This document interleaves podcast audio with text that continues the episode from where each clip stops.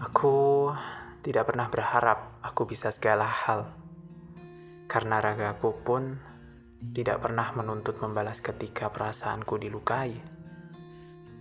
Aku malah selalu memaksakan otak bekerja dengan semestinya dan membiarkan luka itu tumbuh, membiarkan mata menangis tanpa menyekanya, karena perantara akan tiba ketika sudah waktunya.